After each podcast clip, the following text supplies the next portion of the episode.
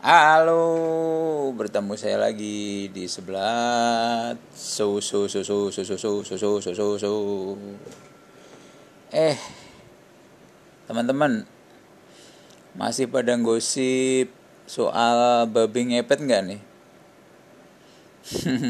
Iya, udah hampir empat hari ini ya.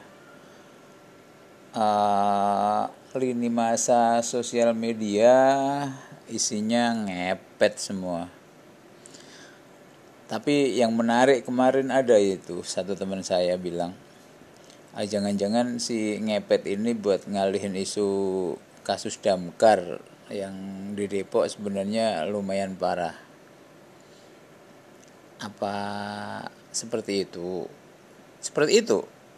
Apa seperti itu? Hmm uh, tapi kita nggak nggak nggak nggak mau kita kita lagi. Saya saya kayaknya lebih seneng ngobrolin itunya deh. Kenapa sih orang masih percaya tahayul gitu? Nah isu-isu yang berbau mistis ini adalah hal yang paling gampang digoreng ya kalau kita misalnya lihat lini masa dari tahun ke tahun itu ada aja kasus-kasus yang ada hubungannya sama cerita-cerita gaib ya. Karena yang gaib itu pembuktiannya susah tapi bisa menimbulkan kehebohan gitu. Dan dan parahnya kita kita pasti Pak percaya gitu loh. Kita adalah bagian dari cerita-cerita goib itu. Kita bisa jadi kita sebagai kalau kalau kalau saya kan muslim ya terutama terutama muslim nih yang yang pasti akan selalu mengaitkan kalau ada setan musuhnya ustadz. Kayak gitu kan. Kalau kalau misalnya nih kita lihat sinetron sinetron di TV itu kan selalu kayak gitu. Sebenarnya nggak cuma muslim juga sih ya. Si Conjuring itu juga perangnya antara setan melawan pemuka agama gitu. Jadi ya itu yang goib itu musuhnya nggak perlu nggak perlu berotot nggak perlu jago kungfu gitu tapi bisa megang apa salib sama baca doa gitu kan kalau muslim Nah ini kejadian kemarin juga gitu kan. Kejadian terakhir yang di bedahan itu ceritanya ada seorang ustadz. Yang yang yang saya baca ya di mana? Kemarin yang muat mojok sih. Itu ustadz yang ustadz mediocre lah. Jadi dia ustadz yang nggak terlalu ngetop jamaahnya dikit gitu kali. Nah biar jamaahnya banyak reputasinya harum gitu. Kemudian dia diduga merekayasa kasus gitu. Dan ini mungkin memang inspirasinya benar-benar sinetron kali ya sinetron azab atau apa atau sinetron sinetron itu FTV lah. Masih Ustadz ini nyeting bahwa di di kampungnya itu sering kan orang cerita kehilangan uang gitu biasa mungkin di ronda juga kita suka kayak gitu kan.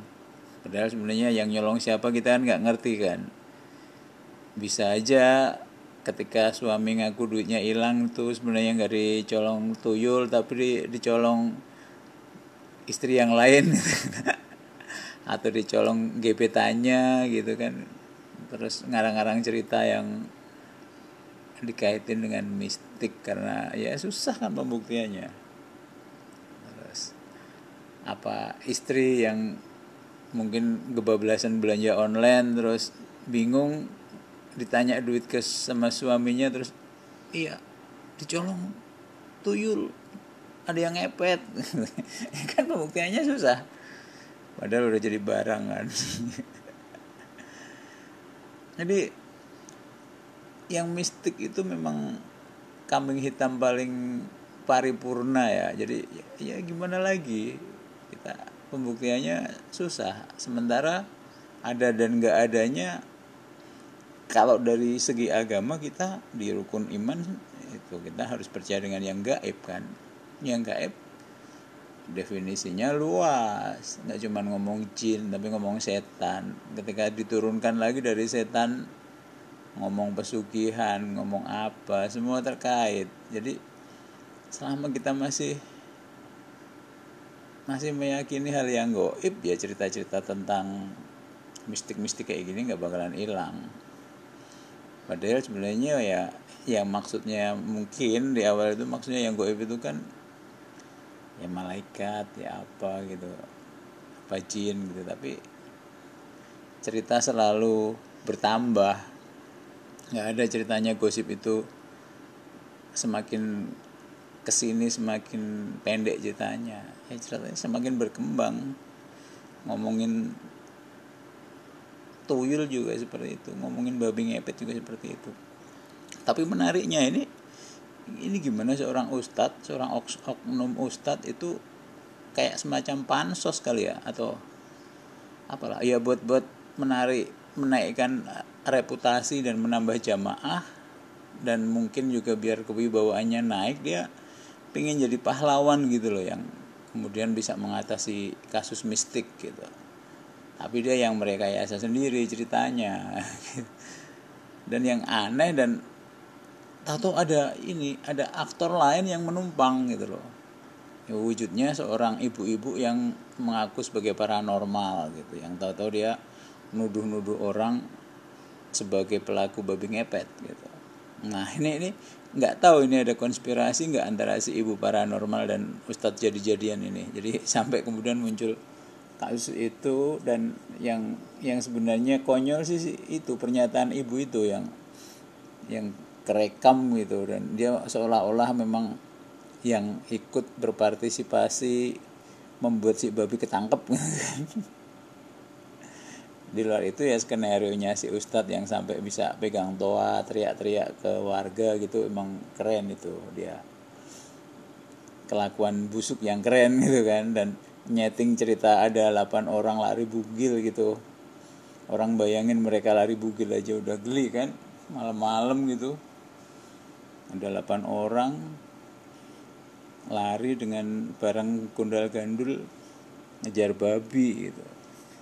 Dan babinya imut lagi kan. Aduh. Jadi seru sih sebenarnya. Ini ya kalau memang buat ngalihin kasus juga bisa. Karena kan ya untungnya netizen kita itu nggak serius. Nanggepinnya sambil bercanda pleset-plesetin sampai yang yang terakhir itu yang beneran konyol itu kan akhirnya si ibu paranormal atau apalah itu kan diusir dari kampung kan terus di timeline Twitter itu kemudian ada respon bahwa semua wilayah nolak dia. Yang Bogor nolak Bekasi nolak. Sampai ke uh, Jawa Timur Malang nolak dan memang kekuatan kita adalah selalu diakhiri dengan bercanda. Dan ini sebenarnya kalau dilihat untuk apa sih untuk program covid ini cocok. Karena kan itu ketika kita masih bercanda berarti imun kita naik. Dan semoga kita jadi lebih sehat gitu. Oh udah jam eh udah jam udah menit ke sembilan kayaknya ini saya apa, kita mau bikin serial kali ya? Serial babi ngepet. Ya kita cukupkan dulu aja obrolan kali ini. Uh, nggak ada kesimpulan. Ya namanya juga ngobrol ngalor ngidul ya. Tapi yang yang pasti kita kita sikapi aja bahwa babi ngepet atau apalah itu yang lain kita bikin jadi candaan biar kita nggak stres dan imun naik. Gitu. Terima kasih